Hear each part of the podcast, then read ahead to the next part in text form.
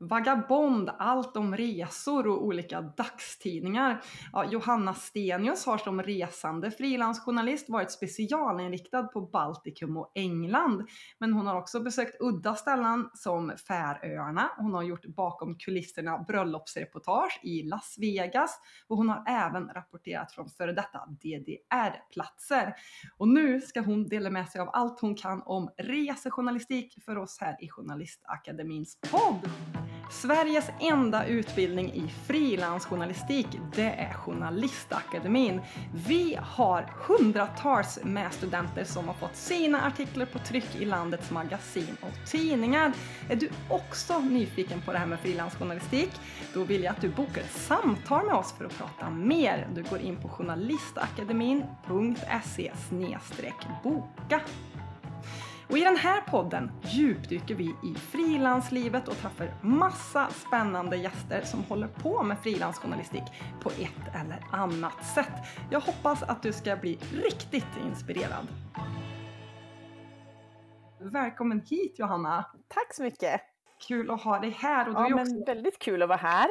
Du är också medmentor på Journalistakademin och hoppar in och hjälper mig och stöttar upp. Ja men exakt, jag brukar ju vara med och då brukar jag också få mycket frågor om, om resejournalistik. Det är ju ett område som många drömmer om att få, få göra, kan man ju säga, skri, resa och skriva om sina resor. Så det finns ju, jag vet att inom Journalistakademin är det ganska många som kommer in i det just med, den, med det målet.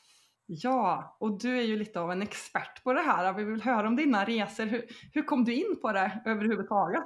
Ja, alltså, det var egentligen en slump. Och, eh, jag kan ju börja med att säga att jag har inte jobbat heltid som resejournalist hela mitt yrkesliv, utan det här, jag har ju jobbat i många år och då har resor varit återkommande kan man säga. Men i början av min yrkesbana, eh, innan jag fick barn och, och liksom stabiliserade mitt liv så reste jag väldigt mycket. Eh, och det var egentligen en slump från början, för när jag hade pluggat klart till journalist eh, så gjorde jag praktik som man gör i slutet av en högskoleutbildning och då gjorde jag praktik på en resetidning. Allt om mm. resor som för den har ju funnits otroligt länge, den tidningen. Jag fick ingen lön under praktiken, det får man inte alltid som journalist. Istället fick jag eh, betalning kan man säga när praktiken var slut, att jag fick åka på en resa och fick betalt för reportaget som jag skrev, som blev publicerat i tidningen. Och det var ju en ganska bra praktiklön tyckte jag. Så egentligen så det började. Och sen blev jag kvar som frilansmedarbetare på just allt om resor och sen breddade jag mig då och började skriva för andra tidningar och började liksom se att man kan maximera sina resor och skriva för många tidningar samtidigt. Så det var egentligen så det började. Eh, och sen ett, idéer föder nya idéer och sådär, det ena gav det andra. Vart gick den här första resan då? Den gick till Färöarna. Det var min första resereportage som jag gjorde till Färöarna. Hur gick det till? För att det, det finns ju något som kallas pressresor. Exakt, det var en pressresa. Um, det finns, pressresor är ju då kan man säga gruppresor för journalister, kan man säga så, som ja. anordnas antingen av oftast då av eh, antingen av, av, ett land kan man säga. I det här fallet var det Färöarnas turistbyrå som ordnade mm. eh, resan. Eller så kan det vara ett företag, kanske en hotellkedja eller sådär som vill att folk ska besöka just deras hotell. Jag kan direkt säga att jag har alltid, i princip alltid valt att resa på de här nationella turistbyråernas resor och inte så mycket företag, för då är man ganska bunden till ett se just deras grejer. Eh, så det här var Färöarnas turistbyrå och de hade väl då i det här fallet hört av sig till tidningen och erbjudit, har ni någon som vill åka med på den här resan? Och, också, och då hade tidningen sagt ja, och så la de ut det på mig och då var det eh, jag och så var det två andra svenska journalister och så var det några norska och några danska journalister. Wow. Och det tycker jag var ganska bra. Man vill, om man är frilans så vill man inte ha med sig jättemånga journalister med samma inriktning som en själv. Så eh, gärna, det var det bästa pressresan är liksom en gruppresa för journalister som anordnas av en turistbyrå där det är olika typer av journalister från helt olika typer av tidningar så det inte blir någon konkurrens kan man väl säga. Men det, kommer man in på att bli erbjuden de här resorna, för det är det som också hände mig då när jag hade börjat skriva om resor, att, att turistbyråer faktiskt hörde av sig med erbjudanden om pressresor och man kunde skriva upp sig på olika mejllistor och intresseanmälningar och sådär. Eh, så det var också något där det ena gav det andra. Ju mer mm. jag reste på pressresor, desto mer pressresor blev jag bjuden på, kan man säga. Men hur går det till då på plats? Alltså blir ni runtlotsade till olika ställen? Eller får man välja? Man Nej, man, blir, man kan ju såklart lämna in önskemål, men i stort så blir man runtlotsad. Så man får ju läsa, man får alltid ett detaljerat program i förväg. Och så får man ju läsa sig till om det är något som är av intresse för en. Och sen om man behöver något extra får man nog, det brukar oftast finnas några timmar fri tid och då har man ju mm. väldigt fullt upp. Men oftast är det liksom att man blir runtskjutsad eh, på, av Oftast är det någon representant från turistbyrån med och så är det kanske en lokal guide. Och ofta får man bo på flera olika hotell, man kanske får flytta mellan olika orter, väldigt, väldigt högt tempo. Så det är inte som en betald semester utan det är verkligen en visningsresa kan man säga. Så det är inte här man gör de stora djuplodande reportagen med mm. jätteingående personporträtt utan det blir ju just eh, resereportage, resmålsreportage skulle jag vilja säga. Ja, jag nämnde ju inledningsvis, du har ju varit och gjort lite olika väldigt häftiga reportage. Berätta ja. om dem.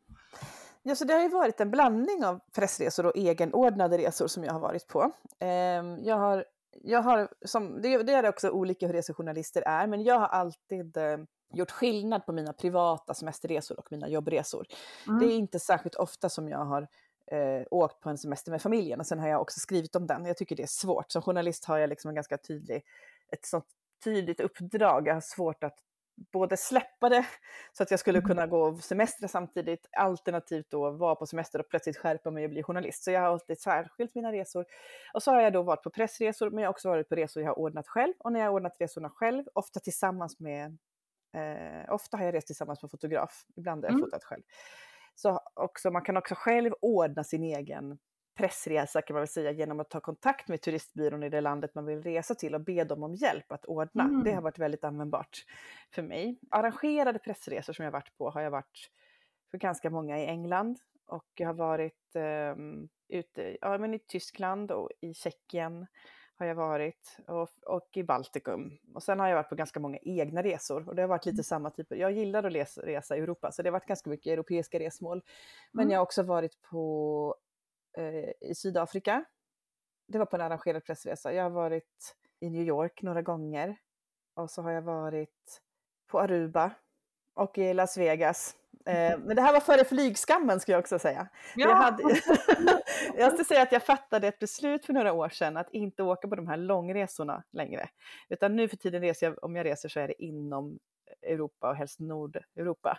Mm. Hela det här Sydafrika, Aruba, att åka liksom sju dagar för att få en pressresa, det har jag valt bort. faktiskt. Det kan man ju också göra som man vill, men för mig hade det känts som ett bra val att göra. Då tycker jag det är bättre att man åker någonstans och stannar länge i så fall. Mm. Det ligger ju i tiden också. ja, ja precis. Ja, nu om jag skulle jag åker inte på resor lika ofta längre, men om jag gjorde det nu då skulle jag prioritera annorlunda. Och jag skulle prioritera tågresor tror jag och, och liksom inom Norden. Det är mm. det som intresserar mig mest nu. Men de här egna resorna då, hur gör du?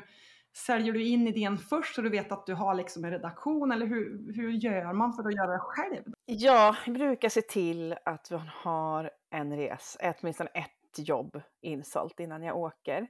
Eh, det måste man oftast ha för att kunna få hjälp från de här turistbyråerna. Mm. Eh, så är det bra att man vet någonting. Eh, och när man har någonting så kan man åka tycker jag. Och då så och oftast samlar man ihop så mycket material att sen när man kommer hem kan man sälja mycket mer. Så det är kanske därför också som det är sådär, jag började alltså det tog ett tag när man har arbetat upp sig att göra de här resorna själv. Det kräver lite pusslande.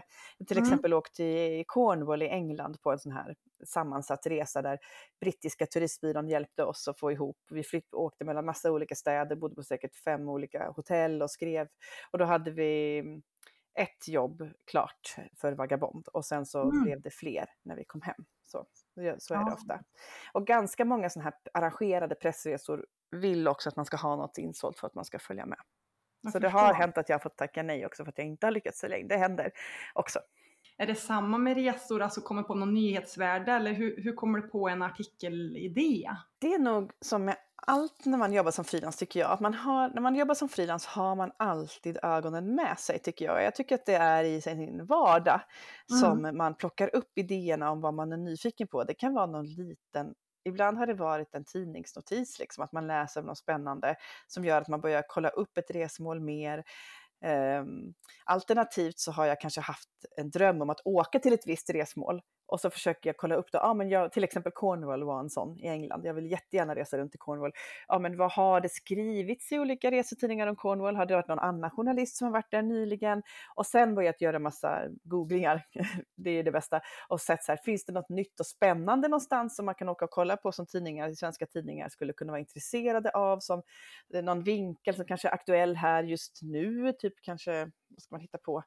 Mm man hittade någon vinkel på någon, någon, någon snackis som finns i mm. Sverige inom turism just nu och hittade det utomlands till exempel. Eller när vi var i Cornwall så var vi till exempel och tittade på vinodlingar. För det är så här att de odlar har vinodlingar i södra Cornwall, precis som i Frankrike, mm. för att det är så varmt där. Och det är ju lite sånt där som man inte vet om och som folk tycker är spännande att höra om också här.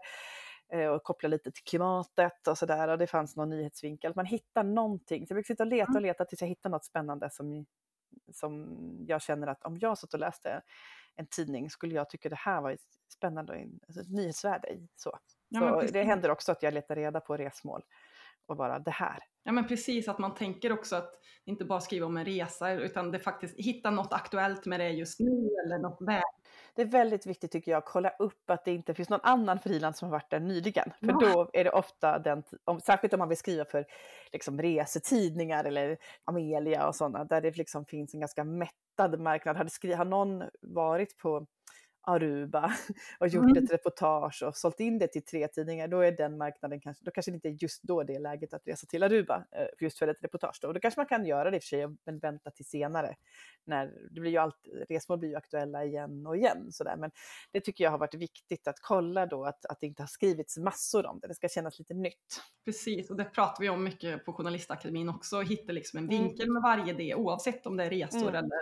Ja, verkligen. Och man kan liksom, kanske inte så, ofta sitter man ju och läser och blir inspirerad av reportage som redan är skrivna. Så det är därför jag tycker det är viktigt att tänka på det. Att så här, man läser ett jätteinspirerande reportage om, om kafékulturen i Berlin. Och bara, Gud vilket mm. bra, det här vill jag också göra. Men då kanske det inte är just kafékulturen i Berlin man ska göra reportage om. För då har man ju precis läst det reportaget själv. Det är lätt att få, bli fångad i den fällan. Liksom. Men då kan man hitta en vinkel på det. Men kanske ingen som har gjort något om kafékulturen i Barcelona eller Paris. Och där finns det någonting nytt man kan göra. Uppenbarligen finns det ett intresse eftersom det här reportaget fanns. Så man kan spinna vidare på andras idéer på det sättet. Men du, det här med Las Vegas då, hur var det att göra bakom kulisserna bröllopsreportage där? Ja, men det kanske ändå var min bland de mest eh, speciella resorna jag har gjort. När man tänker på sånt som man inte får uppleva om man inte är journalist. Kan man ju mm. säga. Då hade vi, jag tänka hur det gick till från början. Jag tror att det var så att vi blev kontaktade av Las Vegas turistbyrå i Sverige. Det finns nämligen en sån. det kan ha varit så eller att vi var på något så här, det finns så olika mässor för journalister där man kan träffa turistbyråer som jag var på, någonting sånt. Vi fick en sån, jag och en fotograf som jag jobbar mycket med, fick en sån eh, idé, vad gud vi skulle göra reportage om hur man gifter sig i Las Vegas. Och då lyckades vi pitcha in idén till Dagens Nyheter Söndag som fanns då. Mm. Om en sån här, att vi skulle följa ett svenskt par som gifte sig i Las Vegas, om de var intresserade av det. Och det var de. Och då ja. eh, fick vi liksom sån här, det var så, jag tror det var så det började, att vi fick en, liksom, vi måste hitta ett svenskt par som ska gifta sig i Las Vegas. Hur ska vi hitta det? Och då finns det en resebyrå här i Sverige som specialisera sig på Las Vegas bröllop, för det är ju en mm. dröm som många har att gifta sig i Las Vegas. Vi fick hjälp genom en sån här Las Vegas resebyrå att hitta ett svenskt par från Huddinge som skulle gifta sig i Las Vegas. Och så fick vi kontakt med dem och frågade om vi kunde få följa dem när de skulle gifta sig. Och det fick vi. Ehm, och eh, de tyckte det var superhäftigt ju att få sitt bröllop lyft i Dagens wow. Nyheter. Ja. Så de bestämde sig för att de inte skulle berätta för, folk hemma att de skulle gifta sig i Las Vegas. Istället så gifte de sig och sen så fick alla i släkten veta det genom att det kom på första sidan på Dagens Nyheter. Nej! jag vill inte kunna ge det till dem.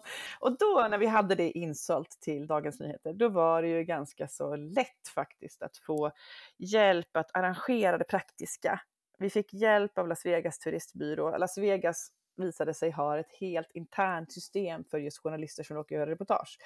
Så vi fick hjälp från Las Vegas, vi fick nästan som ett formulär där vi kunde kryssa i vad vi ville göra reportage om, typ vilka shower, vilka naturupplevelser, vilka hotell, alla hade man en som samordning.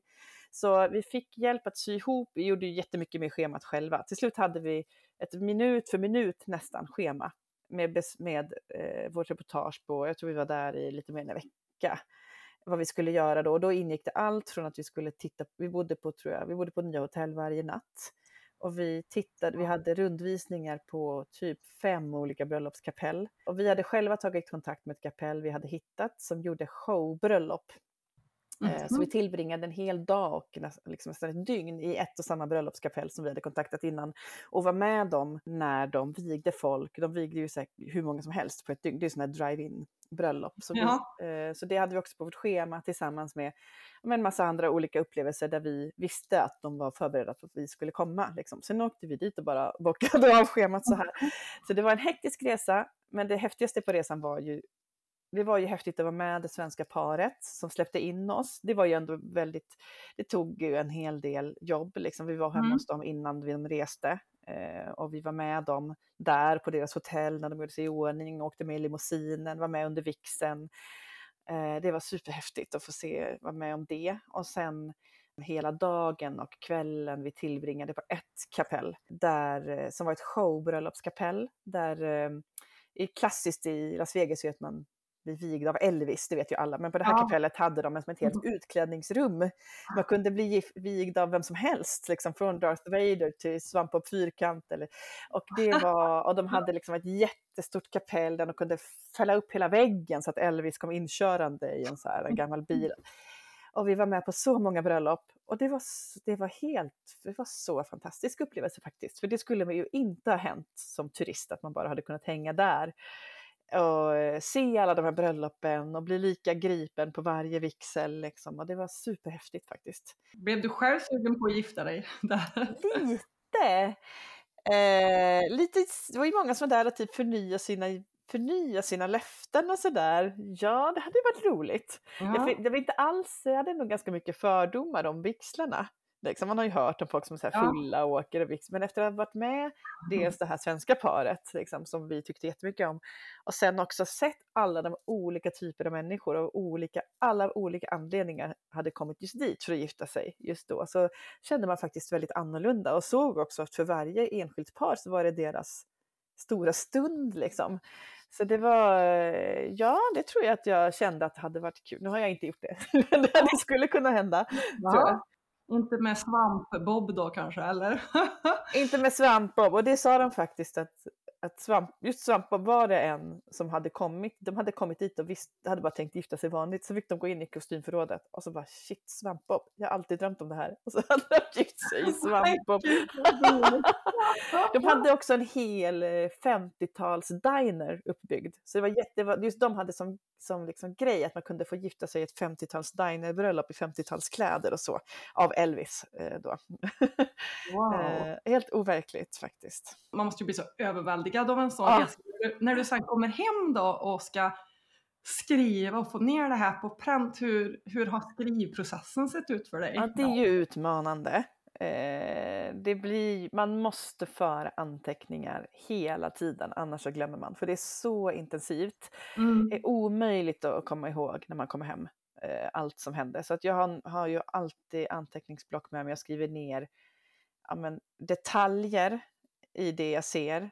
När jag var där i Las Vegas, så jag måste ju ha fotat en hel del med mobilen för att dokumentera detaljer. Mm. För det, man vill, miljöbeskrivningar och sånt är ju viktigt. Så fotat mycket anteckningsfoton och antecknat eh, snabbt liksom citat från här och där. Så att man har något som, jag, med tiden har blivit väldigt bra på att fånga upp vilka citat, alltså jag skriver ofta, mm. jag skriver ofta i huvudet medan jag upplever. Att jag liksom, när någon säger något så blir jag jätteglad. Shit, det där var verkligen klockrent. Det kommer passa jättebra. Och så skriver jag ner det sådär. Mm. Jag försöker hela tiden ha reportagehjärnan igång. Det är därför jag också tycker det är så svårt att skriva reportage när jag är på semester med familjen, för då är den delen av min hjärna inte på. Jag förstår.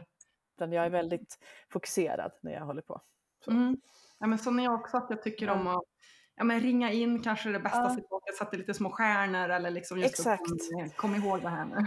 ja, verkligen stjärnor eller någonting. Och, och sen tror jag också att jag, jag har också alltid ögonen öppna efter ny, fler vinklar när jag är ute. Alltså om man är på så många ställen som vi var till exempel under den här resan till Las Vegas. Så ofta ramlar man ju över saker, kanske man träffar någon person, nu gjorde jag inte det, men det kunde ju absolut ha hänt att vi hade träffat på en svensk som jobbade i någon bar till exempel. Mm. och då bara, men gud det här är perfekt, då kan man ju göra ett reportage med en svensk som jobbar utomlands. Och, och då liksom försökt skriva upp kontaktuppgifter, göra en snabb intervju, så här, alltså hitta nya vinklar under tiden. Men vi hade också eh, fått kontakt med en svensk tjej som jobbade som sångare i en show. De har jättemycket sådana här shower mm. på, i, på hotellen i Las Vegas. En svensk tjej som jobbade i Las Vegas eh, i en av showerna som vi också hade stämt träff med för en intervju och det gjorde vi för Aftonbladet söndag. Hur har det varit sen, sen när du har kommit hem då? Är det bråttom att skriva det eller har du fått, hur är tidaspekten? Det är lite olika. Um, ja, som jag minns det så när det, då vet, då vet de ju inte 100% vad de får innan man kommer hem. Så eftersom vi ändå har sålt in det. Jag skulle säga att det är lite olika. Om man åker på uppdrag av en tidning, säg att Vagabond skulle höra av sig till mig och bara kan du åka till eh, Polen och göra ett reportage? Vi vill ha, då tror jag att de mycket tydligare skulle ge mig en deadline. Men när man åker själv och har sålt in det, då brukar tidningarna oftast vänta på att få det och sen så bestämmer de publicering. Så då är det mest upp till en själv tycker jag att få det klart så snart som möjligt. Man vill ju gärna få in sitt reportage och att de ska publicera det som de har sagt. Och skriva det medan det är färskt. Och ja men verkligen, och det är verkligen värt. Jag har varit med om det också att det inte har blivit skrivet och då sitter det så långt inne för då har man bara sina anteckningar och så helhetsbilden, den bleknar förvånansvärt snabbt, alltså den här mm. helhetsbilden av det man har upplevt. Mm. Ehm, så jag försöker vara så snabb som möjligt. Nu för senaste gången när jag har varit på reportage, inte bara resereportage utan andra reportage, har jag faktiskt börjat spela in lite röstmemon också på telefonen. Mm. Där jag pratar in hur jag, liksom innan jag ens hinner sätta mig och skriva, pratat in hur jag tänker mig att texten ska inledas, lite miljöbeskrivningar och sådär för att få ner det så snabbt som möjligt. Men du, vad har du för andra tips till aspirerande skribenter som lyssnar på oss och kanske drömmer om att bli resejournalist? Att man inte ska tänka att det måste vara så grandiost för att det ska bli av. Alltså så liksom att man drömmer om det stora resereportaget för Vagabond till exempel. Att man drömmer om att åka till Kambodja och vandra eller vad det nu kan vara och, och liksom helt eh, göra någonting enormt fantastiskt om, eller gör, skriva om stora personliga liksom, reportage och sådär. Det är fantastiskt, det är absolut möjligt, men jag tror att man ska våga börja litet och tänka att också att det som vardagligt på en resa också är, är jättespännande att läsa om, så att det känns liksom som att man skulle kunna åka till Borås om man inte mm. har tid eller plats för någonting annat och göra ett resereportage därifrån det är också ett resereportage.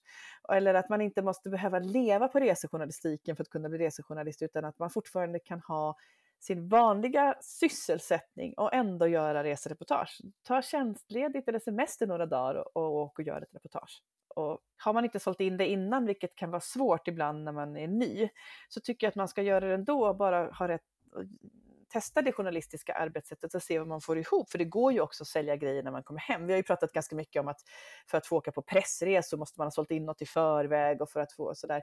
Men man kan ju också, för att man, om man brinner för att testa på det här, eh, faktiskt testa att åka i ett reportage, eh, samla ihop material och när man kommer hem se vad var jag fick ihop, försöka göra en bra vinkel och sälja in. Just för att bara testa, för det, det är ju ändå, resejournalistik är för mig något som jag har gjort framför allt för nöjets skull. Eh, mm. Inte för att hitta en försörjning, så, utan för att det är fantastisk, en fantastisk möjlighet att uppleva resmål på ett helt nytt sätt. Så. Och jag tänker mig att det är ganska många som, om man drömmer om de här resmålsreportagen, så tror jag att det är ganska mycket det som man kanske vill. Om man nu känner att man sitter och har ett vanligt jobb, eller man ska säga, ett, ett, ett, ett heltidsjobb, men ändå drömmer om resejournalistiken, så går det faktiskt att göra utan att säga upp sig och börja om på nytt helt och hållet, utan man kan testa.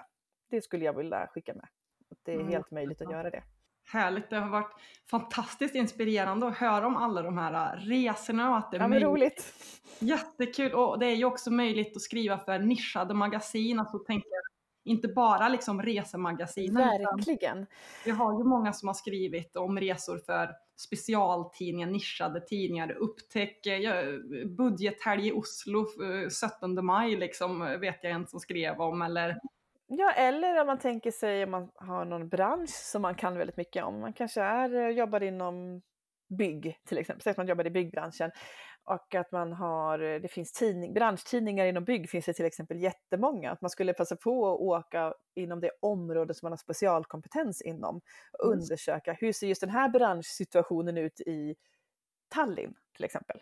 Hur mm. jobbar de där? Eller hur, det är väl kanske bra att, att liksom tänka inom sitt område, de tidningar man läser, inom den yrkesprofession man har och skriva för dem fast från utomlands. Och det är ju jätte, de reportagen tycker jag är eh, jag har inte gjort så väldigt många sådana reportage, men när man får göra arbetsplatsreportage utomlands till exempel, superspännande, verkligen. Kanonbra tips.